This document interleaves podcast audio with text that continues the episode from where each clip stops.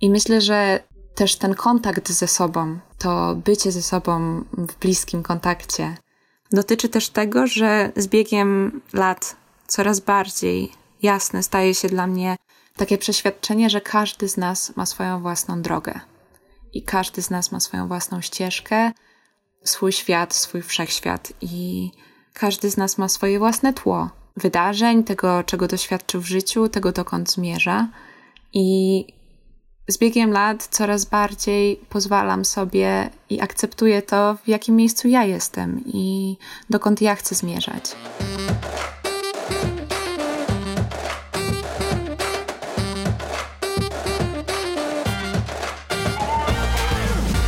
Cześć, tu Ania. Zapraszam do Pracowni Dziewczyn. Pracownia Dziewczyn to cotygodniowe rozmowy z dziewczynami i kobietami na temat edukacji. Edukacji tej szkolnej, czasem akademickiej, a już na pewno tej życiowej. Dokąd miała zaprowadzić, a dokąd zaprowadziła. O wyborach, o porażkach, o pracy kobiet, z kobietami i nad sobą. Ten podcast to jest taki piękny portal – portal do tego, by wziąć z sobą to, co naprawdę ważne, a resztę zostawić po drodze. Wziąć siłę, moc, wiarę w siebie, wdzięczność za wspaniałych ludzi w moim życiu, żeby pamiętać o tym, co jest i było, a co na chwilę się ukryło. Żeby porzucić to przywiązanie do tego, co wcale nie jest moje, do przekonań innych, do opinii, do oceny, której się boję, a która ma prawo być, ale nie ma prawa w tak mocny sposób podcinać mi skrzydeł.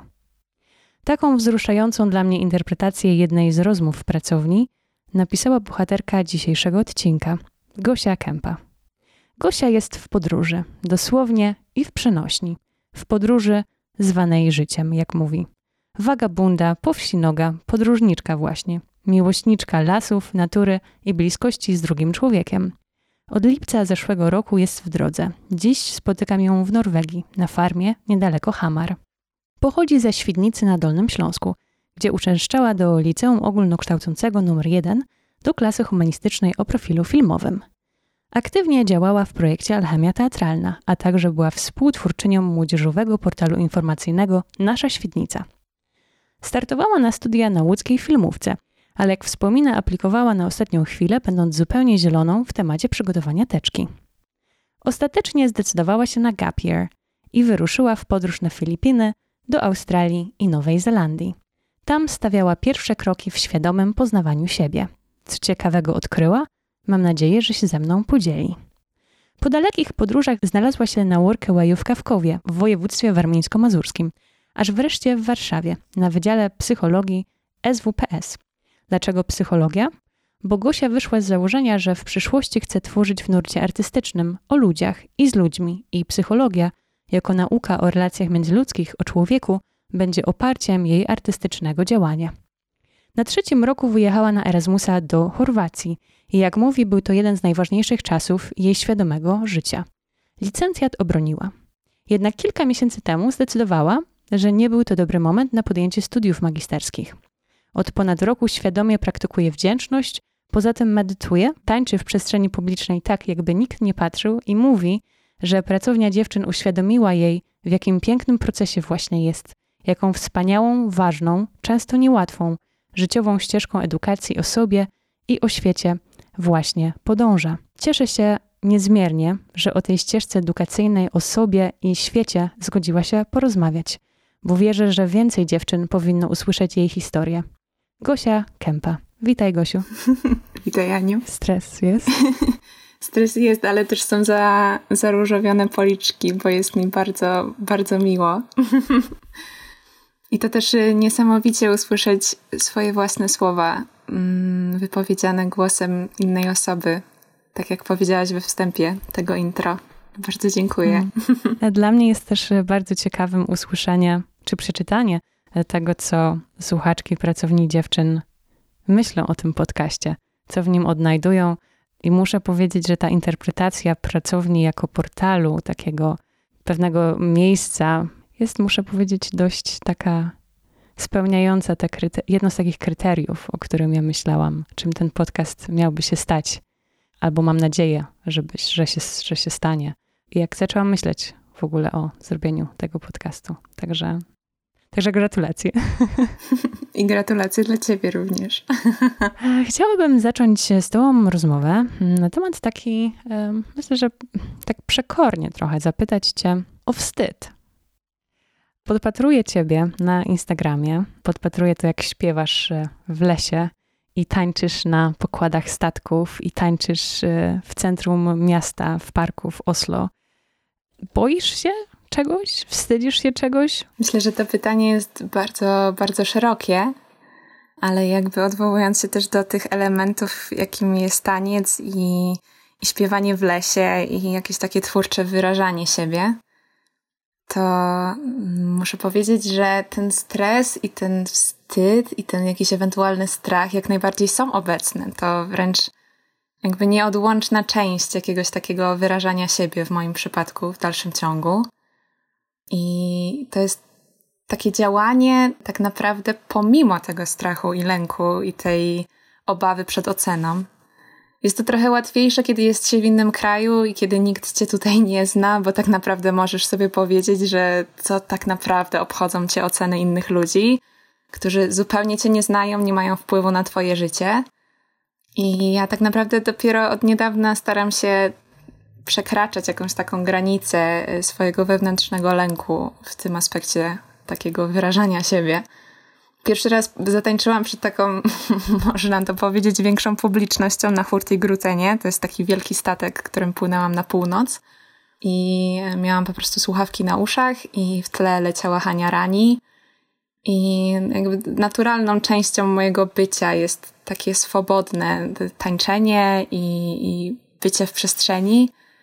I wtedy też tak pomyślałam sobie, był taki doskonały, doskonały czas, doskonała przestrzeń. To był dek statku, lądowisko dla helikopterów i taka wielka przestrzeń, w której naprawdę można było potańczyć. I te ogromnie przepiękne góry w koło i, i widoki. I po prostu pomyślałam, że idę w to. No bo dlaczego nie? I tak naprawdę od, od dłuższego czasu myślę sobie, że to, co tak naprawdę nas ogranicza, to jest nasza głowa i to jesteśmy my sami. I to my sami mamy jakieś wyobrażenia a propos interpretacji naszych czynów przez innych ludzi. I nawet jeśli oni coś myślą o naszym życiu, to co jest ważniejsze? To, co oni myślą, czy to, co my sami myślimy o sobie?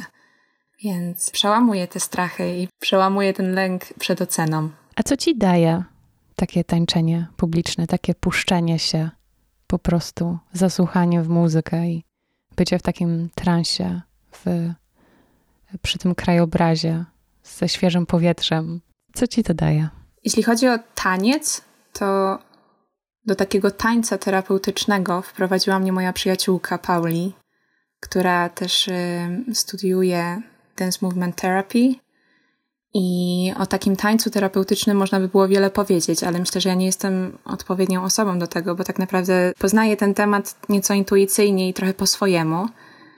I ja z tańcem mam taką relację, że tak naprawdę od najmłodszych lat lubiłam tańczyć, lubiłam gdzieś tam słuchając muzyki po prostu sobie tuptać i ruszać ciałem, a teraz podchodzę do tematu jeszcze bardziej świadomie.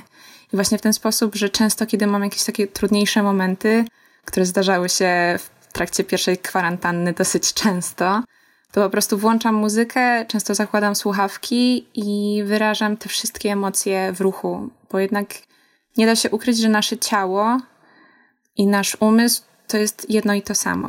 W sensie wiadomo, że to nie jest jedno i to samo, ale jakby są ze sobą bardzo mocno połączone, a my szczególnie w tej zachodniej kulturze bardzo mocno mm, oddaliliśmy się od takiego patrzenia holistycznego na nasze bycie. I na studiach też miałam bardzo interesujący przedmiot dotyczący psychosomatyki i tego, jak wiele napięć i wiele stresów ukrytych jest też w ciele. I dla mnie taniec sam w sobie, oprócz tego, że jest fantastyczną rozrywką i, i wspaniałym sposobem właśnie na wyrażanie siebie i tego, co czuję, jest też formą takiej autoterapii, tego, żeby takie trudne momenty po prostu puszczać, żeby je wyrażać w ciele, żeby nie trzymać tego w mięśniach i nie, nie ściskać tego w ciele, w organizmie, tylko właśnie, żeby dać temu wyraz. Powiedziałaś, że ten taniec towarzyszył ci właśnie e, w tym minionym roku rzeczywistości e, z pandemią, w kryzysie, gdzie wiele ludzi musiało zmienić swoje przyzwyczajenia, swoje dotychczasowe życie. Ty powiedziałaś e, przed 2020 rokiem, że to będzie dla ciebie rok odwagi. Jak patrzysz dzisiaj na ten 2020, taki dla wielu osób ciężki rok, bardzo wymagający? Jaki on był dla ciebie i czy to faktycznie ten poprzedni był rokiem odwagi? Ciekawe pytanie, odnoszące się też do tej mojej intencji z początku roku, bo to był już kolejny rok, w którym na początku powiedziałam sobie, że to będzie rok poświęcony czemuś. I tak jak wspomniałaś, rok 2020 mm, zaczęłam z taką intencją, że będzie to rok odwagi. I dziś szczególnie mogę sobie powiedzieć, że zdecydowanie był to rok odwagi, ale w żadnym sposób nie był to rok odwagi, którą chciałam sobie zafundować. Nikt, nikt nie mógłby się spodziewać, mówiąc sobie w styczniu zeszłego roku, że będzie to rok odwagi. Zresztą tak jak to celnie Tracy Macmillan powiedziała w jednym ze swoich wystąpień na TEDzie, że życie nie daje nam tego, o co prosimy, daje nam ludzi, miejsca i sytuacje, które pozwalają nam rozwijać to, o co prosimy. Ja dokładnie to dostałam od roku 2020. Mm, był to bardzo trudny rok. Zresztą myślę, że dla nas wszystkich bardzo wyjątkowy, ale dla mnie był bardzo rewolucyjny pod wieloma względami. Ja go zaczęłam w Chorwacji, mm, kończąc mój semestr na Erasmusie. Pod koniec lutego, tak naprawdę z początkiem marca, wróciłam do Warszawy. I kiedy w przeszłości słyszałam od moich przyjaciół, którzy byli na Erasmusie, że powrót z Erasmusa to jest jakieś prawie że traumatyczne wydarzenie, coś, co naprawdę zmienia w Twoim życiu. Tak, dziś wiem, że jeśli ktoś tego nie doświadczył, to nie jest w stanie tego zrozumieć. Bo tak naprawdę, kiedy wracasz mm, z przestrzeni, którą stworzyłeś, stworzyłaś sobie zupełnie od podstaw, po swojemu, na swoich warunkach, do przestrzeni, która jest znana, ale jednak znana ci sprzed tego czasu, który się wydarzył. Dla mnie to też była bardzo wielka istota miejsca, jakim jest Warszawa pod względem bagażu emocjonalnego, bo ja też wyprowadzałam się z Warszawy przy okazji pierwszego rozstania.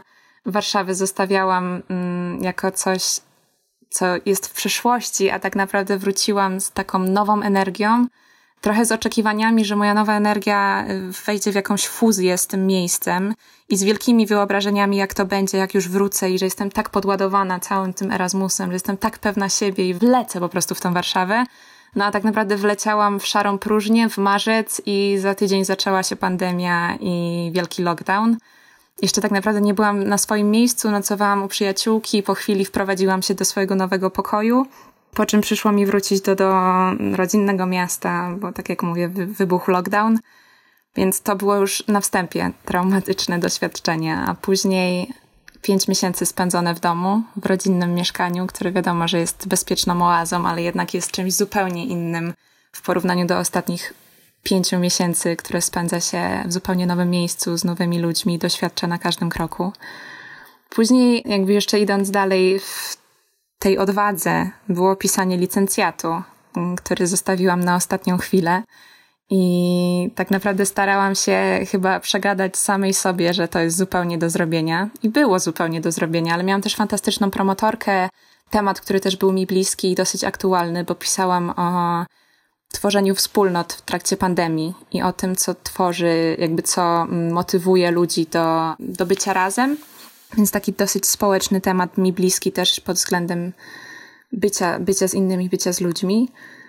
Później wyjechałam do Chorwacji, bo w międzyczasie, w trakcie bycia na Erasmusie, rozpoczęła mi się relacja mm, romantyczna na odległość, co też nie było proste, więc przy okazji e, konfr- konfrontowanie się z tym, co jest, co jest naprawdę, a co jest tylko naszym wyobrażeniem, no i lato, które przyniosło wiele zmian. W sierpniu przyleciałam do Norwegii. Miał to być tylko wyjazd, żeby spotkać się z moimi przyjaciółmi a, i zrobić razem road tripa. Mm, ale znalazłam się na dalekiej północy na zakołem podbiegunowym, ostatecznie odwiedzając moją przyjaciółkę. Tam też dostałam pracę i tak naprawdę z plecakiem, z którym przyjechałam na, na dwa tygodnie, zostałam w Norwegii do połowy października. Wróciłam do domu na, na swoje urodziny Później tak naprawdę podjęłam decyzję, że wracam do Norwegii, zanim kompletnie zamkną Polskę drugi raz i spakowałam się w dwie godziny na siedmiomiesięczną podróż co było dosyć traumatycznym wydarzeniem. I tak jestem trochę w tej drodze, dosłownie i w przenośni. Myślę, że jak teraz siedzę już na, na, na farmie, w której znalazłam się z początkiem grudnia, mm, to jak sobie podliczam to, co się wydarzyło w zeszłym roku i jak wiele to było różnych emocji i skrajnych doświadczeń. I tego, jak wiele w tym było przełamywania takich jakichś własnych barier, wychodzenia ze strefy komfortu, ale jednak cały czas działania z poziomu serca i takiego podążania za, za swoim światłem i za tym, co jest mi bliskie. To naprawdę daje sobie uznanie w tym wszystkim i doceniam bardzo, bardzo ten, ten rozwój, ten wzrost, tę drogę.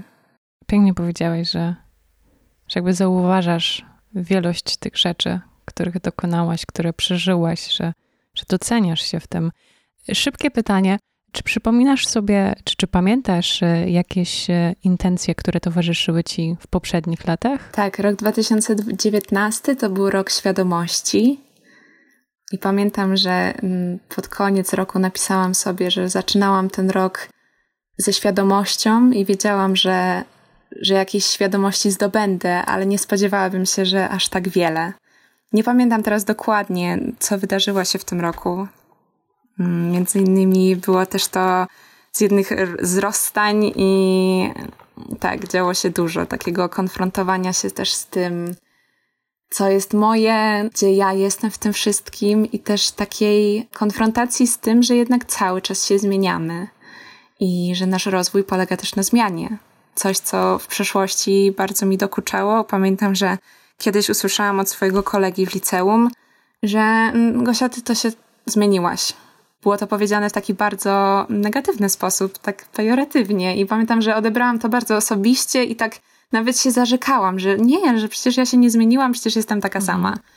A teraz tak naprawdę dużo świadomej patrzę na to wszystko i wiem, że jak najbardziej się zmieniamy i to jest jak najbardziej cenne doświadczenie i wręcz y, chciane. Więc tak, świadomość odwaga, no i ten nowy rok teraz, poświęcony twórczości. Jeszcze nie wiem, co mi to da, bo tak jak mówię, zupełnie inaczej wyobrażamy sobie jakieś swoje rzeczy, a inaczej się one później e, objawiają w życiu. Chciałam Cię jeszcze o coś zapytać, co powiedzieć. Aha, o tą Chorwację. Bo wspomniałam w przedstawieniu Ciebie, że uważasz, że to był jeden z takich cięższych czy, czy ważniejszych e, okresów, czasów e, w Twoim w Twoim życiu. Czym to się objawiało? Dlaczego uważasz, że to był właśnie taki jeden z ważniejszych momentów? Myślę, że przede wszystkim ja już przed samym wyjazdem na, na Erasmusa, na wymianę do Chorwacji, bardzo chciałam, żeby to nie był jakiś czas pomiędzy. Żeby to nie było tak, że wyjadę na Erasmusa, że to jest jakaś taka przerwa w życiu, taka pauza, jest Erasmus, wracam z Erasmusa, mm, jakby dalej lecimy z życiem bardzo chciałam, żeby ten Erasmus był jakby moim życiem kontynuacji. I starałam się nie mieć wyobrażeń, ale myślę, że naturalne jest to, że stwarzamy sobie jakieś wyobrażenia, więc też pojechałam do Chorwacji z jakimiś swoimi oczekiwaniami a propos tego, jak to wszystko będzie. Myślę, że to był i jest nadal jeden z najbardziej istotnych momentów mojego życia. I to, że w 2020 roku radziłam sobie tak, a nie inaczej, i z dzisiejszej perspektywy mogę powiedzieć, że radziłam sobie najlepiej, jak potrafiłam, to też właśnie dlatego, że ta Chorwacja i to doświadczenie naładowało mnie jakimś niesamowitym światłem i taką niesamowitą mocą i siłą. To, co było najbardziej niezwykłe, to chyba właśnie to, że dane mi było i też myślę, że wszystkim, którzy wyjeżdżają na Erasmusa, wiadomo, że możesz do tego podejść na swój sposób, ale dane mi było jednak stworzenie swojej przestrzeni od zera. Bo jeśli wyjeżdżasz do miejsca, gdzie nikt ciebie nie zna, ja też wyjeżdżałam sama, nie miałam nikogo ze swojej uczelni z Warszawy, kto też by wyjeżdżał, to tak naprawdę masz możliwość wyzbycia się wszystkich swoich ram, schematów, tego jak widzą ciebie inni, tego jakie podejście do ciebie mają inni, jaki jakim wzorem jesteś, jakie role spełniasz, i to jest niezwykle wyzwalające. Pamiętam, że od pierwszych dni tworzyłam po prostu swoją przestrzeń dookoła tak, jak chciałam, i byłam taka, jaka chciałam. Ja też do tego całego Erasmusa podeszłam bardzo po swojemu, bo w kwietniu 2019 roku powiedziałam sobie, że nie chcę pić alkoholu, chociaż nigdy nie piłam go bardzo wiele. No ale jednak Erasmus gdzieś tam w wyobrażeniach wy, wydaje się albo rzutuje na, tako, na takie doświadczenie wiecznej imprezy, poznawania ludzi, bycia w jakimś takim właśnie frywolnym mm, byciu, bycia w byciu. A ja bardzo podeszłam do tego po swojemu, byłam świadomie, dużo spacerowałam i niezwykłe jest to, jakich ludzi poznałam. Myślę, że ten Erasmus nie byłby taki, gdyby nie moi wspaniali przyjaciele z Włoch, z Hiszpanii i z Chorwacji, mm, którzy stali się moją rodziną i od których uczyliśmy się bardzo wiele. Byliśmy taką zgraną paczką pięciu, później sześciu osób. Cały ten Erasmus to jest po prostu takie świadome poznawanie siebie, bycie z tym, co jest obecne, bycie w przestrzeni, która jest dookoła ciebie, bo tak naprawdę masz wygodną przestrzeń, bo Szkoła nadaje ci ramy, które są po prostu bezpieczne i znane, ale też tej nauki nie jest wiele. W moim przypadku nie miałam wiele nauki na Erasmusie, więc gdzieś tam bezpieczna rama, y, nazwanie tego, że jesteś studentem i jakby masz ten spokój w sobie, że wiesz, co będzie jutro. No a przy okazji bardzo dużo wolnego czasu, piękna przestrzeń wokoło do eksplorowania, poznawania siebie, konfrontacji z tak naprawdę z tym wszystkim, co się działo. Dla mnie to też była przestrzeń wewnętrznej terapii bo ja w lipcu, zanim wyjechałam na Erasmusa, rozstałam się, rozstaliśmy się z moim pierwszym chłopakiem. I to był taki moment, gdzie tak naprawdę po raz pierwszy pozwoliłam sobie doświadczyć w pełni, co to dla mnie znaczy. Co się już skończyło, a co się zaczęło. Rozmawiamy o Twoim takim bardzo świadomym poznawaniu siebie, ale chciałabym wrócić, czy, czy w ogóle zacząć rozmawiać mm, o tym, jakim ty byłaś uczniem, jaką byłaś uczennicą, e, jak to wyglądało z twoją szkołą, z taką formalną edukacją. Czy ty też e, tam miałaś taką, powiedzmy, nie wiem, tendencję do właśnie takiej świadomości, do, do, do buntu jakiegoś, do, nie wiem, do, do wyłamywania się z pewnych ram i chodzenia swoimi ścieżkami, jak taki kot czy kocica. Jak to z tobą było i ze szkołą, i takimi może, nie wiem, pierwszymi wspomnieniami ze szkoły? Uczennica, piątkowa, kujonka, nie, kocica. Jak to było z tą Gosia? Szkoła dla mnie kojarzy się przede wszystkim z ludźmi, z bardzo przyjemnym czasem. Mm, myślę, że przez wszystkie etapy szkoły, podstawówki, gimnazjum, liceum prześlizgnęłam się bardzo dobrze. Po swojemu na pewno. Nigdy nie byłam kujonem.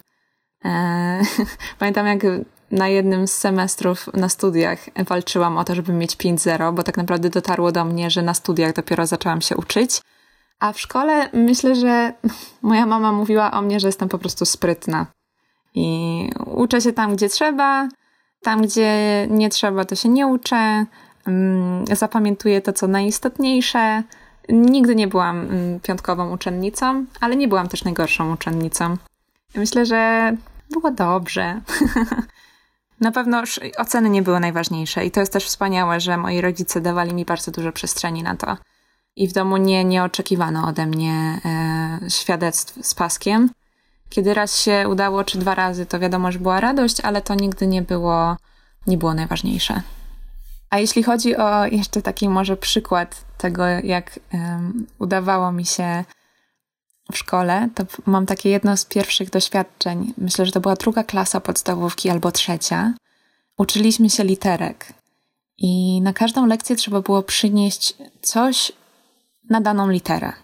No i jesteśmy w klasie i pani mówi, że wyciągamy rzeczy na si. No ja oczywiście zapomniałam. No i taka bardzo zaaferowana tym wszystkim udaje, że sięgam po coś do plecaka no i wyciągnęłam kawałeczek jakiegoś papieru, wyciągnęłam mm, jakiś papierek po cukierku, wyciągnęłam większą kartkę i narysowałam swojego buta. Obrysowałam po prostu stopę. No i podchodzi do mnie pani i mówi, żebym pokazała trzy rzeczy na si. No ja jej pokazuję. Ona mówi, no ale co to jest? Ja mówię, to, to jest śmieć. A to, no to jest ścinek. A pani mówi, no to, ale to jest, to jest stopa, to nie jest nasi. Ja mówię, nie, nie, to jest ślad. Pamiętam, że jak powiedziałam to mojej mamie, to była ze mnie dumna. Naprawdę. To jest spryt po prostu. Level, level mastery. Dokładnie, więc y, myślę, że tak, tak wyglądała moja szkoła. przy okazji bardzo, bardzo pozytywnie, bardzo społecznie na, w każdym, na każdym etapie udzielałam się bardzo jak tylko mogłam. W szkole w podstawowej to był teatrzyk, w gimnazjum to było bycie nadwornym szkolnym fotografem na wszystkich wydarzeniach szkolnych. W liceum też po części i tak, zawsze było mnie wszędzie pełno, to z pewnością. A kim ty chciałaś być, jak byłaś młodsza, jak dorośniesz? Jakieś e, pierwsze marzenia? Co pamiętasz? Myślę, że jak byłam mała, to bardzo aspirowałam na bycie aktorką. Łącznie z tym, że mojej mamie udało się kiedyś przemycić taki trochę. Bardzo chciała, żebym uczyła się angielskiego. Ja powiedziałam, że nie będę się uczyć tego angielskiego, bo nie chcę. I ty możesz płacić za lekcję, a ja nie będę się uczyć angielskiego. A ona podeszła też bardzo inteligentnie do sprawy i powiedziała któregoś razu, że no ale wiesz, Małgoś, mm, jak chcesz być aktorką, no to dobrze, żeby aktorki jednak miały opanowany ten język. I ja wtedy z taką pełną świadomością powiedziałam, że no tak, no dlatego się uczę. Przecież ja jakby po to chodzę na angielski. Więc to było z jednych pierwszych doświadczeń, ale też mam takie jeszcze wcześniejsze doświadczenie. To jest raczej taka historia, anegdota. Obudziłam się któregoś razu, mm, taka zaspana, przed przedszkolem. Usiadłam na łóżku i pytam mojej mamy z takim wielkim przerażeniem: Mamo, kim ja będę, jak będę duża? A moja mama myśli, myśli i nie zdążyła nic powiedzieć, a jej na to nie, nie, nie, mamo, zapomnij, lekarzem na pewno nie, bo to dyżury, krew, nie macie w nocy, nie, nie, nie. Moja mama jest pediatrą. A jakby powiedziała, że nawet jej nie przyszło do głowy, żeby to powiedzieć. A po drugie, jak ja się urodziłam, to jakby już dawno nie miała nocnych dyżurów, a na pewno nie miała z krwią doświadczenia.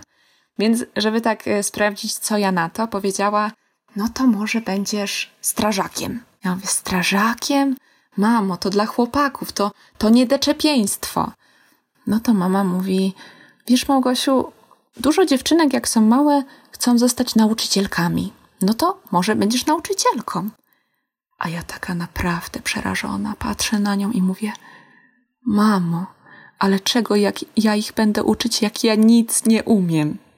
To było moje doświadczenie z tego, kim będę w przyszłości. Myślę, że niewiele się zmieniło od tamtej pory. Ale ty miałaś dużą wiedzę i tak, że wiedziałaś, że lekarka to są dyżury, to jest nie spanie po nocach, tylko praca po nocach i tak dalej. To wow, jest jakieś sokratesowskie tutaj tendencje, że wiem, że nic nie wiem, jak mam być nauczycielką. Ciekawe. Ciekawe, no, ciekawe, to prawda.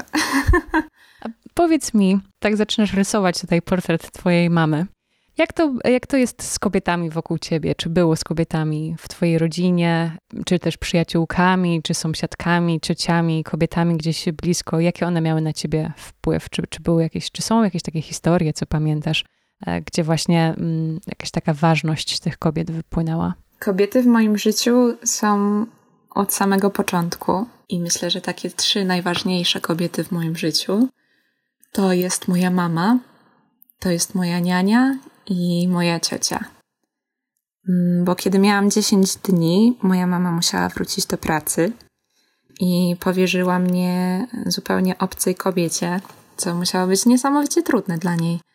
Ale właśnie ta kobieta stała się moją taką przybraną babcią, e, nianią. I myślę, że niesamowitą ilość miłości, ciepła i dobra przekazała mi w tym swoim wychowaniu mnie to też kobiety, które były w moim życiu jako ciocie, chociaż ciociami nie są, bo moja mama ma bardzo wiele przyjaciółek i szczególnie jak byłam mała, to dojrzewałam i dorastałam w, w, w różnych przestrzeniach. I jak teraz tak na to patrzę, to myślę sobie, że moje dzieciństwo miało miejsce w takiej społecznej wiosce. Bo przez to, że moi rodzice dużo pracowali, to ja też e, bywałam po domach.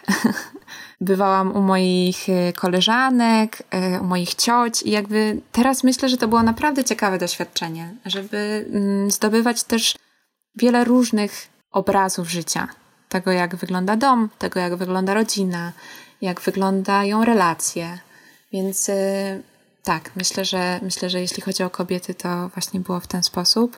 Po drodze też trafiłam na kilka fantastycznych nauczycielek, takich naprawdę z pasją i z niezwykłym zaangażowaniem. Czy wymieniłabyś właśnie te nauczycielki jako takie mentorki, jako ważne osoby na Twojej ścieżce? Myślę, że takim autorytetem, naprawdę w znaczeniu tego słowa, jest moja polonistka z liceum, e, profesor Wierzbicka, która jest nauczycielem z krwi i kości. Naprawdę nie, nie spotyka się wielu już takich.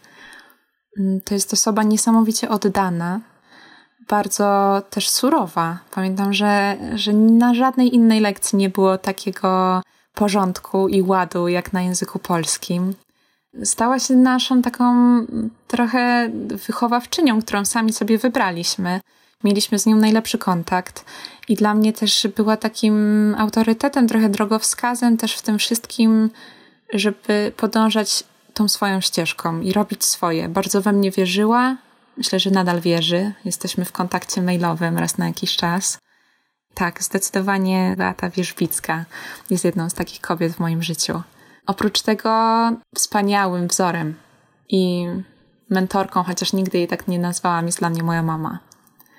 To ile, ile ta kobieta przeszła w życiu bardzo trudnych doświadczeń od najmłodszych lat, o których wiem, i to ile ma w sobie ciepła, dobroci, empatii i jakiejś takiej niesamowicie jasnej energii jest y, dla mnie wielką inspiracją i wiem, że nie tylko dla mnie. I no, jestem, jestem dumna, że jest moją mamą i że wychowała mnie na takiego człowieka, jakim jestem. Pięknie powiedziane. Czyli rozumiem, że ty tego mm, angielskiego się uczyłaś, żeby zostać aktorką, tak poprawnie i obowiązkowo.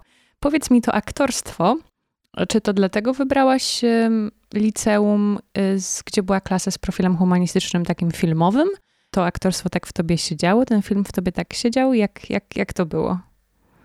Czy też jakby, nie wiem, też znamy takie historie, gdzie jakby nie było innego wyboru trochę. W moim przypadku było tak, że w gimnazjum bardzo mocno zaangażowałam się w działanie naszego Świdnickiego Ośrodka Kultury.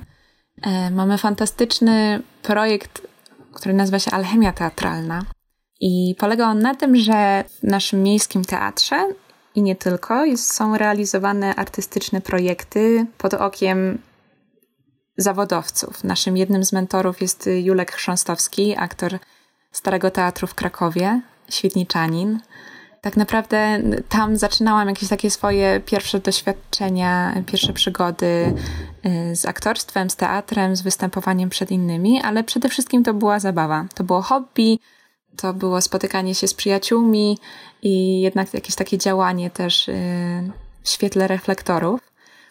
Z biegiem czasu widzę, jak wiele mi to dało. Jak wiele dało mi to mm, takiego doświadczenia życiowego, takiego występowania przed publicznością, mm, tego, że nie mam w sobie strachu, żeby prezentować projekt czy prezentację na studiach. Zawsze to ja byłam tą osobą, która improwizowała przed grupą i, i wystawiała coś, czy przedstawiała. A co ciebie w aktorstwie tak pociągało? Bo ja muszę powiedzieć, że był taki etap w moim dzieciństwie, kiedy ja bardzo chciałam być aktorką. Ja doskonale pamiętam, jaka tam była moja motywacja, co mnie tak fascynowało w tym aktorstwie. Jak to było u ciebie? Wiesz co, chyba nigdy nie doszłam do tego. Znaczy nawet też nie miałam potrzeby, żeby się nad tym zastanawiać. Myślę, że to była jakby dobra przestrzeń do tego, żeby wyrażać siebie, żeby jednak e, mieć gadane i, i występować przed innymi. Myślę, że ten element cały czas gdzieś tam we mnie siedzi i może kiedyś do tego dojdzie. Na razie nie myślę w ten sposób. Zupełnie inaczej niż ja. A jak było u ciebie? Ja chciałam mieć możliwość codziennie być kimś innym. Zupełnie inaczej. Fantastyczne. Nie chodziło o wyrażanie siebie, tylko o sprawdzenie, jak to jest w innych zawodach, z inną twarzą, z innym imieniem i tak dalej. No. Nieźle. Bardzo tak dojrzale jednak, bądź co bądź. Dobrze, wracamy do twojego aktorstwa jako zabawy i zaangażowania w alchemię. Tak, wracając do twojego pytania a propos liceum, to myślę, że już y, jeśli chodzi o ten film, to bardziej jednak chodziło o o ten film od tej drugiej strony, o operatorkę, o reżyserię, o bycie twórcą obrazu, a nie tylko występowanie w nim. Bo tak jak już wspomniałaś też wcześniej, mm, myślę, że to był początek liceum, kiedy zaangażowałam się w działanie młodzieżowego portalu Nasza Świetnica i działałam tam w dziale foto-wideo. Bardzo wiele się wtedy nauczyłam, poznałam moich przyszłych przyjaciół gdzieś tam wiedziałam, że chcę realizować się w tej ścieżce tworzenia, ale tworzenia od tej takiej profesjonalnej strony i bycia po tej drugiej stronie kamery. Zastanawia mnie to twoje startowanie na łódzką filmówkę. Boże, to jest jakiś taki... Bardzo się tego boję cały czas, bo trochę jednak bądź co bądź łódzka filmówka ma w sobie niesamowity prestiż. Jest jedną z najlepszych szkół artystycznych e, w Europie. I ja też trochę porwałam się z motyką na słońce, jak wystartowałam po liceum, e, steczką przygotowaną w przeciągu tygodnia na te egzaminy wstępne. Pamiętam, że realizowałam wtedy w ogóle te tematy fotograficzne, wyszukując z moich zdjęć, których, które by pasowały, co zupełnie jest jakimś y, śmiechem na sali. Ale to, co dało mi to doświadczenie, to na pewno zderzyłam się jeszcze bardziej z tym, jak wygląda ta szkoła trochę od środka. Bo jedno to jest wyobrażenie, a drugie to jest rzeczywistość. I pamiętam, że zmiażdżył mnie poziom tego, jak ludzie są zdolni, którzy tam aplikują. I myślę, że trochę to zostało we mnie y, z jakąś taką myślą, że ta fotografia, w którą ja się bawię i która jest bliska w moim życiu od dłuższego czasu, jest moja, bo jest moja. Bardzo nie wiem, czy ja tak próbuję przegadać siebie, żeby nie aplikować kolejny raz y, na filmówkę, czy po prostu taka jest prawda że ja tak bardzo lubię tę fotografię, bo w niej nie ma jakichś takich ostro narzuconych ram. Tego, że trzeba robić coś w dany sposób, albo robić coś po to, żeby innym się podobało. No bo jednak bądź co bądź te egzaminy no wyglądają trochę tak, że musisz stworzyć teczkę, która zainteresuje innych, e, więc y, część z tego jest taka, że rzeczywiście tworzysz tak, jak czujesz, no ale jednak jest też jakiś taki mm, nie wiem, czy utarty schemat tego, jakie zdjęcia zrobić, albo w jaki sposób, żeby się tam dostać. W sumie, co ja mogę mówić? Próbowałam raz. Jestem kompletnie zielona i nie, nie wyszło mi to, na pewno. Tu musimy chyba dookreślić. Ty y, aplikowałaś na łódzką filmówkę na fotografię, nie na aktorstwo. Tak. W ogóle nigdy mi nie chodziło po głowie aktorstwo, bo znałam z alchemii teatralnej doświadczenia moich kolegów i koleżanek, które, którzy próbowali się dostać kilkukrotnie. Więc e, ja wiedziałam, że aktorstwo to nie jest moje. Aktorstwo to jest zabawa i świetny czas, ale na pewno nie to, e, w co chcę iść dalej w życie. A ta fotografia to był w tym momencie właśnie mm, po liceum taki jedyny, e, jedyny kierunek, o którym ty myślałaś, czy brałaś pod uwagę jeszcze coś innego? To, czy składałaś papiery, to jest jakby osobna sytuacja, ale czy właśnie brałaś pod uwagę jakąś taką inną, inny pomysł na siebie, inną drogę? Którą byś mogła podjąć? Ja po liceum wiedziałam jedno, że nie chcę iść na studia, byle iść na studia. I to była jedyna pewna rzecz w mojej głowie. Gdzieś tam na drugim planie była fotografia i takie rzucenie się na głęboką wodę z tymi egzaminami. Planem C czy D było aplikowanie na jakieś mm, studia na Uniwersytecie Wrocławskim, żeby się dostać, żeby ewentualnie mieć tam wiesz, ten backup, że jednak jak nie wyjdzie coś innego, to to. No ale wtedy też zaczął mi się rysować w głowie plan na gap year i na to, żeby sobie zrobić przerwę od, od szkoły. I zgrało się to też w czasie z tym, że mój ówczesny chłopak kończył swoje studia i mogliśmy wyruszyć razem, bo wiedziałam, że w życiu nie zdecyduję się na coś takiego sama. I pamiętam, że byłam bardzo przekonana do całego tego pomysłu i do tego, że tak naprawdę taki rok przerwy jest niezwykle ważny, bo jeśli myślisz o tym w taki spokojny sposób, tak mocno gdzieś tam kalkulując, co do tej pory się wydarzyło, no to nasz system edukacji wygląda tak, że w moim przypadku było tak, że 12 lat edukacji, podstawówka, gimnazjum, liceum. Tak naprawdę wiesz, jak wygląda Twój dzień, wiesz, jak wygląda kolejny rok, są wakacje, wtedy możesz odpocząć, no i jakby do przodu, do przodu. No a później wpadamy w taką jakby mm, trochę czarną dziurę, trochę otchłań, ale tak naprawdę kolejnym elementem są studia, często nieprzemyślane. Często jest tak, że decydujemy się na te studia, a no bo wszyscy idą, albo moi przyjaciele idą, albo mamy y, jakieś naciski ze strony rodziny czy rodziców. A kiedy w tym wszystkim jakiś taki moment, przestrzeń na to, żeby pomyśleć, ale czego tak naprawdę ja chcę? Jakby kim jestem? I twoje otoczenie to rozumiało? To, że ty masz taką potrzebę poznania siebie? Wiesz co, ja miałam bardzo wielkie wsparcie od mojej mamy. Ona bała się tylko bardzo tego, że ta podróż nie wypali, że jakieś do końca, do jakiegoś ostatniego momentu, łącznie z tym, że jutro mieliśmy samolot, jeden z pierwszych, a coś jeszcze na koniec nie, nie trybiło i ona była przerażona, że my nie wylecimy i co wtedy? Ja pamiętam, że zaczęłam studia na, na Uniwersytecie Wrocławskim, poszłam po to, żeby mieć, e, żeby mieć legitymację studencką, gdzie tak naprawdę za miesiąc miałam wy, wylatywać, bo w listopadzie zaczynaliśmy naszą podróż. Ale tak, jakby od, ze strony mojej mamy było wielkie wsparcie. Pamiętam, że ona konfrontowała się z innymi ludźmi, którzy gdzieś tam patrzyli na ten cały pomysł krzywo, ale jednak ona miała bardzo wiele wiary we mnie, zaufania też w moją taką dojrzałość i w to, że to nie jest decyzja na ostatnią chwilę, tylko naprawdę to był przemyślany, opracowany plan. Co ty się dowiedziałaś w tych podróżach o sobie? No, przede wszystkim to było niesamowite doświadczenie, bo ja miałam na swoim koncie różne podróże. Z moimi przyjaciółmi mieliśmy taką grupkę przyjaciół, z którymi jeździliśmy na road tripy. Najpierw dwoma starymi samochodami, później w którymś momencie wynajęliśmy vana i podróżowaliśmy większym samochodem. Więc trochę świata zwiedziłam, e, też przy okazji różnych podróży z rodzicami.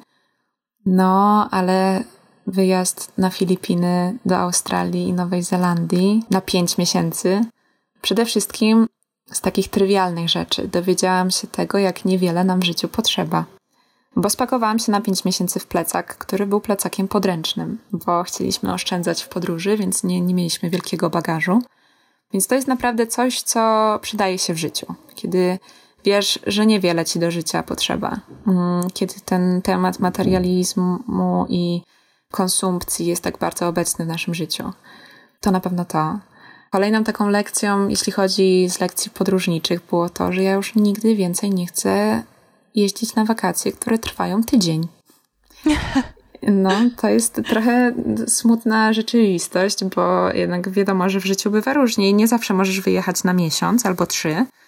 No ale wiedziałam, że jeśli chodzi o poznanie świata, przestrzeni, ludzi, miejsca, no to ten tydzień to nawet nie ma opcji, nie ma po co. Pierwszy miesiąc na Filipinach przypominał jeszcze trochę wakacje, bo byliśmy tam z grupą znajomych. W Australii odwiedziliśmy brata mojego ówczesnego chłopaka i spędziliśmy razem święta.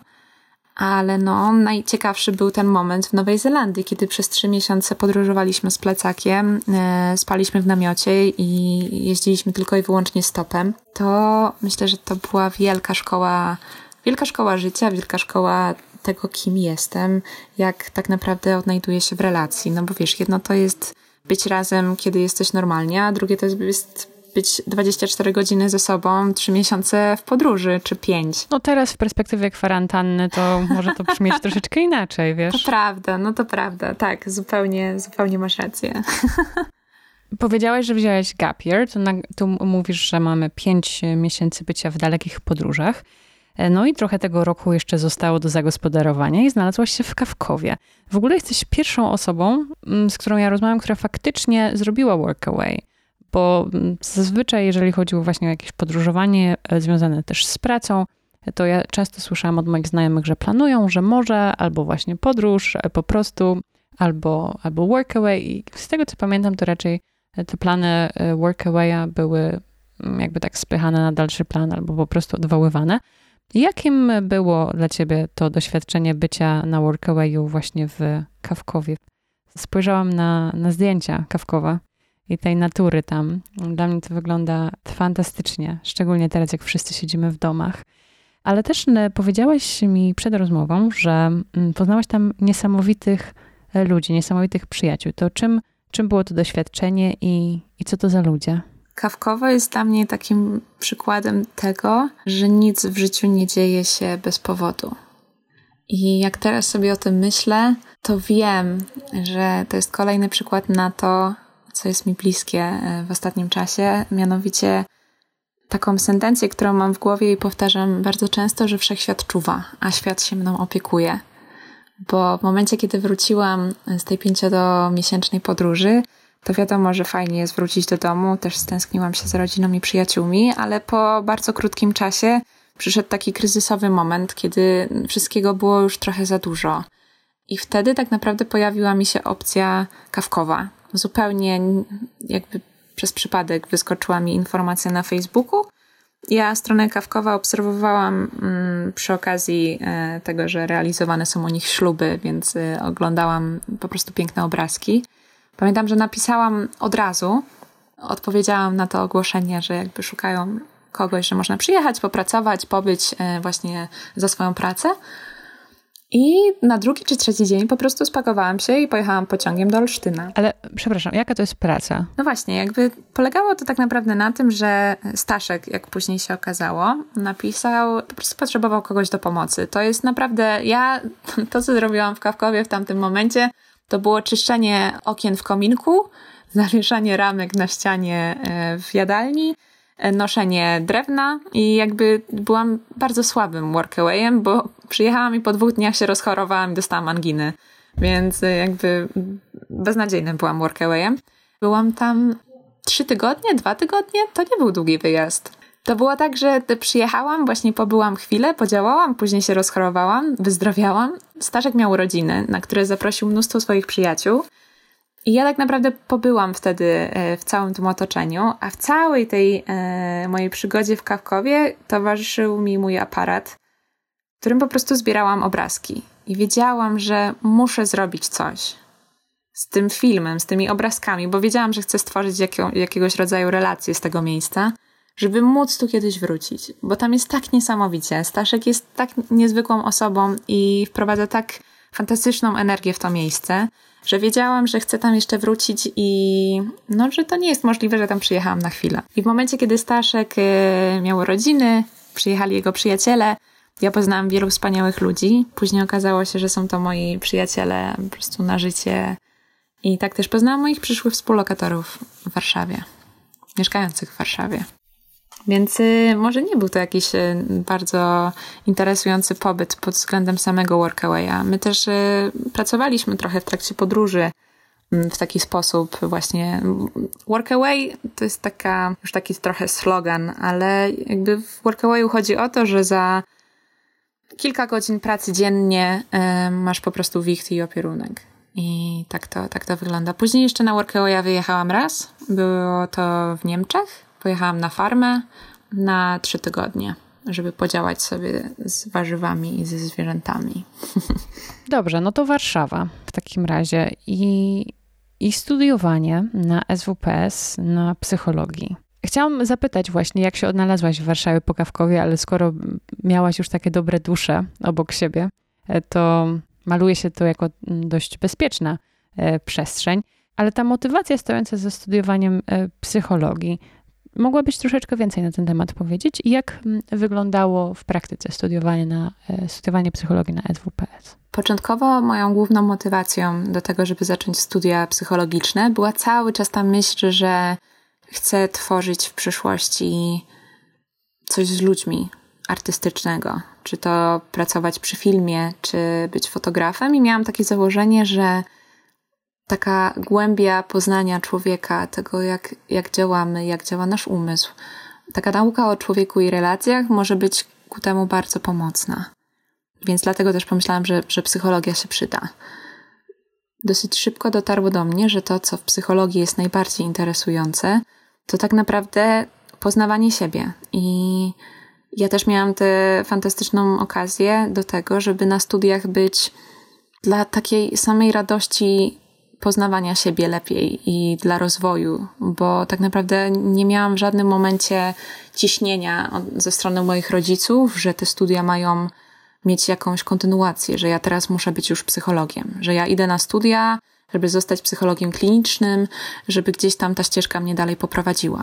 Więc y, tu miałam ten niesamowity komfort, że mogłam uczyć się tego, co było dla mnie interesujące, gdzieś tam pogłębiać te rejony, które były dla mnie ciekawe i ja w ogóle jestem przekonana, że podstawy psychologii to jest coś, co powinien mieć każdy z nas na swojej drodze edukacji. To jest coś, co w podstawówce, w liceum, nie wiem na jakim etapie, powinno być normą. Takie właśnie poznanie siebie, ale też relacji, tego jak funkcjonujemy, a przede wszystkim takiego bliskiego kontaktu z samym sobą, z emocjami, tak, na pewno. Jeśli chodzi o psychologię na SWPS-ie, to też nie mam takiego wielkiego porównania, bo studiowałam na Uniwersytecie Wrocławskim przez dwa tygodnie, więc nie mogę powiedzieć, jak to wygląda na uczelni niepublicznej. Nie, ale wiesz, twoje, twoje doświadczenia, nie? Nie musisz porównywać. Tak, no to jeśli chodzi o studia na ZUPS-ie, to na pewno jest to bardzo duży komfort pracy. Tego, że jednak e, przez to, że jest to uczelnia niepubliczna, to masz dużo lepszy kontakt z wykładowcami, z nauczycielami. No też oczekuje się też nieco, nieco innych rzeczy. Przez to, że jesteś studentem takiego prywatnego uniwersytetu, tego miejsca, tej przestrzeni jest dużo więcej. Takie mam wrażenie. Też ten kontakt z wykładowcami jest może trochę luźniejszy. Ja trafiłam na bardzo, bardzo, bardzo fantastycznych wykładowców też na mojej drodze. Doktor Ścigała w którymś momencie sprawiła, że ja też zostałam na tych studiach, bo pamiętam, że na pierwszej sesji miałam takie załamanie światopoglądu i wszystkiego a propos mojego życia, że już chciałam to wszystko rzucić i zostawić ale moja mama mm, przekonała mnie do tego, żeby dokończyć tę sesję, skoro już ją zaczęłam, a później jak się dowiedziałam, że na drugim roku mamy mieć zajęcia z doktor Ścigałą, to chociażby dla niej chciałam zostać na tych studiach. Bardzo się z tobą zgadzam y, z tym, co powiedziałaś wcześniej, chwilę wcześniej, właśnie o tych podstawach psychologii, mhm. które powinny być y, po prostu dla wszystkich w szkole, y, jakby częścią formalnej edukacji. Chciałam troszeczkę o to zapytać, bo pamiętam, że kiedyś na Instagramie, nie pamiętam pod którym zdjęciem, e, napisałaś, że najtrudniejszą relacją dla ciebie jest chyba ta relacja z samą sobą. I dzisiaj mówisz, że przy wielu okazjach, przy um, wielu zdjęciach wspominasz, czy jakby uświadamiasz, czy informujesz nas w zasadzie, że jesteś chyba najbliżej siebie niż kiedykolwiek. I wspomniałaś właśnie, że na tych studiach miałaś tą przyjemność właśnie poznawania siebie, pracowania nad sobą, obcowania e, ze sobą. Co to w ogóle znaczy być z sobą tak blisko? Znaczy, jak blisko to jest? Co masz na myśli, jeżeli mogłybyśmy to tak w słowach jakoś uchwycić? I czy to wiąże się jakoś z tym, że ufasz sobie bardziej? Czy na przykład dzisiaj wiesz, na co cię stać, albo co jest dla ciebie dobre, albo akceptujesz się bardziej, czy tak w całości w porównaniu do tego, co było wcześniej na przykład? To jest bardzo ciekawe pytanie, ale na pewno też bardzo głębokie, bo wiele wątków pojawia mi się w głowie. To pytanie dotyczące bycia sobą i tego, co to w ogóle znaczy i co to znaczy dla mnie, dotyka jakichś takich mm, tematów w mojej głowie, jak wzorce, schematy, oczekiwania, porównywanie się, presja. Ja od bardzo długiego czasu, myślę, że zawsze gdzieś mi to mm, towarzyszyło, porównywałam się z innymi. Przez to, że większość moich przyjaciół, znajomych jest ode mnie starsza, to trochę naturalnie gdzieś tam w głowie pojawiła mi się presja wieku. I tego, że oni osiągają różne rzeczy na danym etapie, to nieco też wymagałam też danych rzeczy od siebie. Tylko wiesz, kiedy twoi przyjaciele są 7 lat starsi od ciebie, ty masz 20 lat, a oni 27, to są w zupełnie innym miejscu. I myślę, że też ten kontakt ze sobą, to bycie ze sobą w bliskim kontakcie, dotyczy też tego, że z biegiem lat coraz bardziej jasne staje się dla mnie takie przeświadczenie, że każdy z nas ma swoją własną drogę i każdy z nas ma swoją własną ścieżkę, swój świat, swój wszechświat i każdy z nas ma swoje własne tło wydarzeń, tego, czego doświadczył w życiu, tego, dokąd zmierza. I z biegiem lat coraz bardziej pozwalam sobie i akceptuję to, w jakim miejscu ja jestem i dokąd ja chcę zmierzać. I tak naprawdę myślę sobie też o tym, że mm, takie bycie w kontakcie ze sobą bycie uważnym na to, co pojawia się w Twoim życiu, co jest, jest bardzo bliskie mojej praktyce medytacji i tego, że kiedy praktykujesz uważność, medytujesz, czy to w taki sposób, czy w inny, konfrontujesz się z tym, co się pojawia i z tymi emocjami, z jakimiś doświadczeniami, zauważasz je i pozwalasz im po prostu być i puszczasz je wolno. Ja mam też tak w tym momencie swojego życia, gdzie po prostu czuję, co jest moje i za tym też podążam. I y, staram się właśnie luzować taką swoją potrzebę bycia kimś, kimś, kogo oczekują ode mnie inni. Mm, myślę, że nie wiem, czy to jest bardzo głębokie, czy nie, ale po prostu jest, jest mi bliskie, bo mm, kurczę, no każdy z nas ma jedno życie, albo przynajmniej w tym momencie jest y, na tym świecie tym, kim jest. I myślę, że szkoda byłoby po prostu za kilka lat obudzić się i zorientować, że jesteśmy kimś zupełnie innym, a chcieliśmy być zupełnie innym i że żyjemy życiem innych ludzi, a nie swoim. Więc yy, myślę, że taka jest odpowiedź moja na to pytanie. Bardzo wiele dało mi doświadczenie Erasmusa i tego, że tak naprawdę tam mogłam od podstaw zbudować jakąś taką swoją przestrzeń i to, kim jestem, e, na podstawie oczywiście tych wszystkich poprzednich doświadczeń, ale to wydarzenie dało mi taką pewność, że w momencie, kiedy jestem po prostu sobą, ze wszystkim tym, co to wnosi, to na swojej drodze mogę spotykać naprawdę niesamowitych ludzi. I trochę jest to tak, że powtarzam sobie, że bądź energią, którą chcesz się otaczać. I tak też się dzieje. I kiedy jesteś sobą, to po prostu dzieje się magia. I, i tak też jest. Więc czasem warto po prostu zaufać i robić swoje. Powiedziałam na początku, że regularnie praktykujesz wdzięczność. Wiem, że to, e, to jest takie pytanie bardzo nieradiowe, ale za co ty jesteś dzisiaj wdzięczna? Dzisiaj jestem wdzięczna za to, że Rudy, mój współlokator, zrobił pyszne indyjskie jedzenie na obiad. Jestem wdzięczna, że mam przestrzeń do tego, żeby w wolny dzień móc sobie poczytać książkę. Jestem wdzięczna za to, że mogłam wziąć dzisiaj prysznic. I jestem wdzięczna za to, że w tej wielkiej niewiadomej i w tej wielkiej niepewności, która cały czas dotyka i dotyczy nas wszystkich, ja mam w sobie pewność a propos tego, że nie zostanę na lodzie, cokolwiek by się działo. I mam niezmienną wdzięczność za wszystkich wspaniałych ludzi, którzy są w moim życiu. Tak, z praktycznego punktu widzenia, kiedy ty właśnie myślisz o wdzięczności na co dzień, ty te rzeczy, za które, czy osoby, za które jesteś wdzięczna, zapisujesz to w notatniku, czy to są jakby myśli, które przychodzą ci, nie wiem, po medytacji, w momencie, gdzie idziesz na spacer, czy tańczysz? Jak to wygląda od strony praktycznej, żeby faktycznie mieć w taki rytuał? Czy pilnować się, żeby to było regularne? Kiedyś miałam taki pomysł, żeby to zapisywać, ale jestem trochę słaba w takiej praktyce mm, różnych rytuałów, które są konkretne. Więc nie chciałam sobie narzucać kolejnej presji, żeby czegoś dopilnować. Więc w tym momencie to, co robię, to przed snem, jak leżę już w łóżku, myślę sobie o przynajmniej trzech rzeczach, za które dzisiaj jestem wdzięczna. Ale w ogóle z tą praktyką mm, wdzięczności było tak, że ona pojawiła się znów w Chorwacji. I ta Chorwacja jakby cały czas powraca. Ale wtedy tak naprawdę też język angielski miał wiele, wiele istotnego w tym kontekście, bo jakoś dla mnie powiedzenie, że I'm grateful I'm grateful for, albo I'm so grateful for you.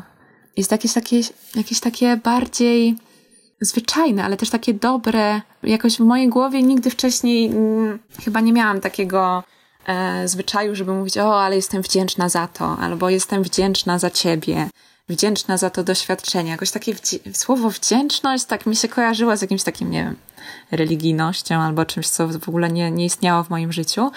A właśnie po tym doświadczeniu um, mówienia o tym, co czujesz, o tym jakby właśnie, że jesteś wdzięczna, że zauważasz, że doceniasz, pomyślałam sobie, dlaczego mam się ograniczać, dlaczego patrzeć na to w taki sposób, a nie inny w naszym, w moim ojczystym języku, w języku polskim. Więc od wtedy wdzięczność um, zawitała i jest w moim życiu obecna i po prostu mówię o tym i też myślę, że to się niejako ukazało w mojej wiadomości do ciebie, bo też myślę o tym, że bliskie jest mi bardzo takie okazywanie uczuć i tego, co czuję na bieżąco i mówienie o tym innym ludziom, bo założę, że cały czas mamy jakiś problem z tym, żeby mówić innym ludziom, że robią dobrą robotę, że dużo łatwiej przychodzi nam powiedzieć, że coś coś nam nie wychodzi, albo jesteś w czymś beznadziejna, albo w ogóle hmm. żałosne jest to, co robisz, a jednak kiedy jest coś dobrego, albo po prostu ktoś wygląda wspaniale,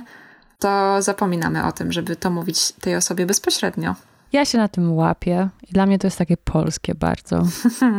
nie wiem, mnie to się kojarzy z, z mieszkaniem w małym miasteczku i słyszeniem co to sąsiedzi sobie nowego kupili.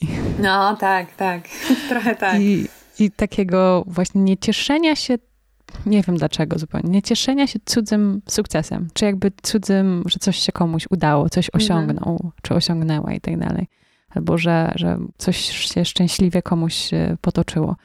Um, ale to, co powiedziałaś w języku, o języku angielskim, że jakoś łatwiej jest powiedzieć I'm grateful for, ja to mam z kolei z czasownikiem deserve. Mm. Czyli powiedzenie sobie, że zasługujesz na miłość. Dla mnie to, to słowo zasługiwać E, jest takie, nie wiem, pełne patosu po polsku. Ale I deserve love, I deserve to be loved, I deserve this and that e, jakoś jest dla mnie bardziej naturalne. To jest też ciekawe, bo mm, jeszcze może wracając do tego pytania a propos bycia siebie i, i też tego emanowania, czy też dzielenia się tym, co masz w sobie z innymi, to moja mama też mm, bardzo zaszczepiła we mnie taką myśl i myślę, że to jest taka jakaś największa lekcja, którą od niej dostałam, a propos tego, żeby być dobrym człowiekiem. I może to brzmi tak bardzo patosowo, ale jakby taka jest prawda. Od mojej mamy usłyszałam słowa bardzo często, które ona słyszała od swojej mamy. Ile dobra rozsiejesz wokół siebie, odda ci los w chwili niespodzianej. I mam to blisko, blisko siebie i też myślę, że to dobro, które mamy w sobie, warto, warto się nim dzielić i warto je przekazywać dalej. Też a propos tych, tej wdzięczności, a propos mówienia innym dobrych rzeczy. To takie małe, a w takim większym obrazku jest bardzo istotne. Kosiu, jaka jest dla ciebie dzisiaj ta droga? Jak ona cię traktuje? Jak ty się na niej czujesz? Na tym etapie, na którym jesteś teraz? Bardzo różnie. Łapię się na tym, że często ludzie z boku mówią mi albo widzą mnie zupełnie inaczej niż ja widzę siebie w danym momencie. Bo łapię się na tym, że łatwo jest mi powiedzieć o sobie, że jestem słaba, że nie wiem co dalej, więc y, mam jakąś w sobie porażkę. Mm, I że tak naprawdę całe, cała ta decyzja o niekontynuowaniu magisterki w tym momencie i decyzja o tym, żeby podążać ze swoją ścieżką, czyli pozostanie w Norwegii, zaczęcie pracy i tak naprawdę takie rzucenie się na głęboką wodę. W tym momencie, w którym jestem teraz, że to była jakaś porażka, no bo moment jest jaki jest, kiedy restrykcje cały czas się zaostrzają i tak naprawdę nie wiadomo, gdzie będę za chwilę. To łatwo jest mi patrzeć na to wszystko jako, jako porażka właśnie. Więc y, a propos tego, jaka jest moja droga, to na pewno jest niestabilna. na pewno jest bardzo ciekawa. Mm, na pewno wiele się uczę o sobie i taką jedną z największych nauk jeszcze poprzedniego roku, ale cały czas to trwa, jest porzucanie kontroli. Ja mam bardzo, bardzo w życiu nakreśloną potrzebę kontroli nad moim życiem. Myślę, że to dotyczy, e, bierze się z moich doświadczeń młodości, e, kiedy moi rodzice się rozstali i nagle, wiesz, dziecku burzy się cały świat i nie wie co dalej, więc stara się bardzo to mocno uchwycić. Ale teraz cały ten rok 2020 nauczył mnie tego, że e, muszę puszczać tą potrzebę kontroli, a wręcz nie muszę, tylko chcę. Moja droga jest taka, że każdego dnia znajduję te dobre momenty każdego dnia chcę doświadczać chwili obecnej. Tego, że jestem tutaj, tego, że jest mi dane być w tym miejscu, które jest bardzo dobrym miejscem, bo jestem na farmie, y, jestem otoczona wspaniałą naturą, jestem z ludźmi w domu, którzy są serdeczni i dobrzy. Obudziłam się, mam ciepło i takie, wiesz, zwyczajne rzeczy. Ostatnio też mój przyjaciel w Chorwacji doświadczył tego największego trzęsienia ziemi. I w takich momentach, w takich momentach bardzo nadzwyczajnych doświadczasz takiego poczucia, że tak naprawdę nasze życie jest tak bardzo niepewne i, i nie wiesz co dalej, więc doceniasz po prostu to, co masz. Ja myślę, że w tej drodze, w której jestem, bardzo doceniam to, gdzie jestem. I pomimo tego, że tęsknię za moimi przyjaciółmi, za moją rodziną, niejednokrotnie chciałabym być w innym miejscu niż jestem teraz, to jednak wiem, że to miejsce, w którym jestem teraz jest najlepsze, bo jest teraz i jest mi dane go doświadczać. Kochana, co byś powiedziała innym dziewczynom, które chciałyby wyruszyć w podróż. W taką podróż, może niedosłowną, z plecakiem, bo teraz też ciężkie są warunki, żeby wyruszyć w taką podróż. Ale zrozummy tę podróż jako projekt, jako nową pracę, jako przełamanie strachu, jako wyjście ze strefy komfortu, postanowienie bycia trochę bardziej odważną. I może brakuje im takiego argumentu, albo brakuje im jakiegoś wsparcia, jeszcze kogoś, kto powie: Hej, warto. Co byś powiedziała takim dziewczynom? Hmm. Kroczek po kroczku. Żeby też nie rzucać się od razu na głęboką wodę i żeby nie oczekiwać od siebie jakichś niesamowitych rzeczy, bo jesteśmy najlepsi w stawianiu sobie wielkich oczekiwań i tworzenia wyobrażeń dotyczących samych siebie. A tego, czego uczy się ostatnio, to łagodności do samego siebie. I myślę, że z tą łagodnością jest tak, że każdy może się jej nauczyć w każdym momencie. Myślę też, że bardzo ważne jest przedefiniowanie słowa odwaga. Bardzo mi się podobało, jak w swoim podcaście o zmierzchu Marta Niedźwiecka mówiła o tym, że odwaga to nie jest działanie, działanie przeciwko strachowi czy lękowi, tylko to jest działanie pomimo tego, że się boimy czy lękamy. I takie bój się i rób, to mi towarzyszy. Ale też myślę, że bardzo ważne mm, w każdej drodze, czy to jest droga z plecakiem, czy droga rozpoczęcia, czy rzucenia pracy, rozpoczęcia, czy zakończenia związku, to jest Twoja własna droga. To jest to, że jednak każdy z nas ma swoje własne tło. To, co nas ukształtowało, to gdzie jesteśmy, jakimi ludźmi jesteśmy. I w tym momencie porównywanie się z innymi nie ma żadnego znaczenia. Więc ten kontakt ze sobą jest tak ważny, bo kiedy jesteś w kontakcie ze sobą, możesz skonfrontować się z tym, co jest w tobie, czego ty chcesz, jakie są twoje marzenia i jaka jest ta twoja droga, i jakie jest twoje światło i twoja energia, i jakim ty jesteś człowiekiem. Myślę, że to jest najważniejsze. Prawda z samym sobą. Na ten rok, na ten rok twórczości, Gosiu, z taką twoją intencją, um, czego ci życzyć? zawsze jak mam zdmuchiwać świeczki na torcie urodzinowym, to tak robię taką naprawdę istotną kalkulację tych życzeń, które jest ważniejsze od innego. Ale my ci możemy pożyczyć wszystkiego, czego tylko chcesz. To myślę, że właśnie takiej cierpliwości w tym procesie, dobrego połączenia ze sobą i z innymi, ze światem, z moim światem, odwagi tego działania pomimo lęku i pomimo strachu i prawdy. Prawdy z samą sobą. Chciałbyś coś dorzucić z naszego kanału lektur? Bardzo chętnie, nawet się przygotowałam. Jestem zachwycona. Malutką książeczką, którą znalazłam w antykwariacie w Świdnicy. Zupełnie przez przypadek, ale myślę, że to nie jest przypadek. Jest to Zatrzymaj się. Wojciech Eichelberger w rozmowach z Renatą Dziurdzikowską i wielokrotnie wrzucałam fragmenty na swojego Instagrama i wiem też, że niektóre dziewczyny wyszukały już tę książkę w swoich antykwariatach, więc bardzo polecam. Wojciech Eichelberger to psychoterapeuta z bardzo ciekawym też patrzeniem na energię, na relacje międzyludzkie. Myślę, że nie będę mówić więcej, po prostu warto zaglądnąć do tej książeczki, bo to są różne rozmowy właśnie tej dwójki, prowadzone na łamach zwierciadła a później wrzucone do jednej książki. To to.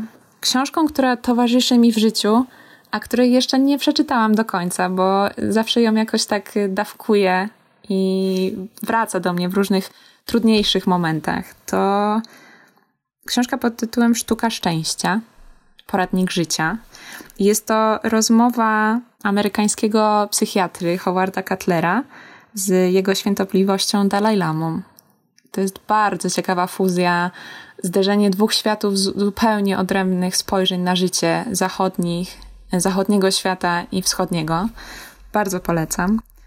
I jeszcze taką pozycją, którą chciałabym dorzucić, jest film Wild, po polsku Dzika Droga, z Reese Witherspoon. To jest e, niezwykły film. Wracam do niego bardzo często mm, jego ścieżkę dźwiękową słuchałam na statku, kiedy płynęłam na północ, kiedy słuchałam też pierwszego podcastu z tobą i ze Stefanią, kiedy napisałam też do ciebie wiadomość, więc e, ta pozycja jest szczególnie bliska w moim życiu. Więc myślę, że na pewno to.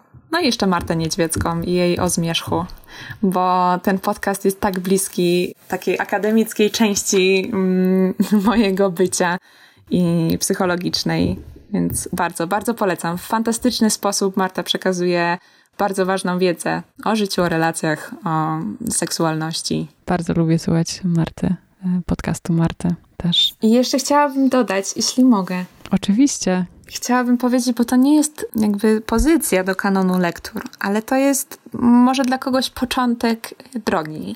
Bardzo chciałabym polecić y, aplikację Headspace, bo ja z nią zaczynałam swoją przygodę z medytacją. Później też trafiłam na, na warsztaty, ale jakby przede wszystkim to był taki początek początku, więc bardzo polecam. Nie wiem, czy wiesz, nie wiem też, czy on jest na polskim Netflixie, na pewno na niemieckim Netflixie, do którego ja mam dostęp. Jest teraz A Guide to Meditation, właśnie by Headspace. Zaczęłam, zaczęłam niedawno oglądać właśnie też jako taką wprowadzenie do medytacji e, sygnowane przez tę aplikację. Super. Boże, jakie bogate dzisiaj, bogate polecenia do kanonu. Bardzo dobrze. Niech lecą w świat. Tak, dzielmy się dobrem. Dzielmy się dobrem.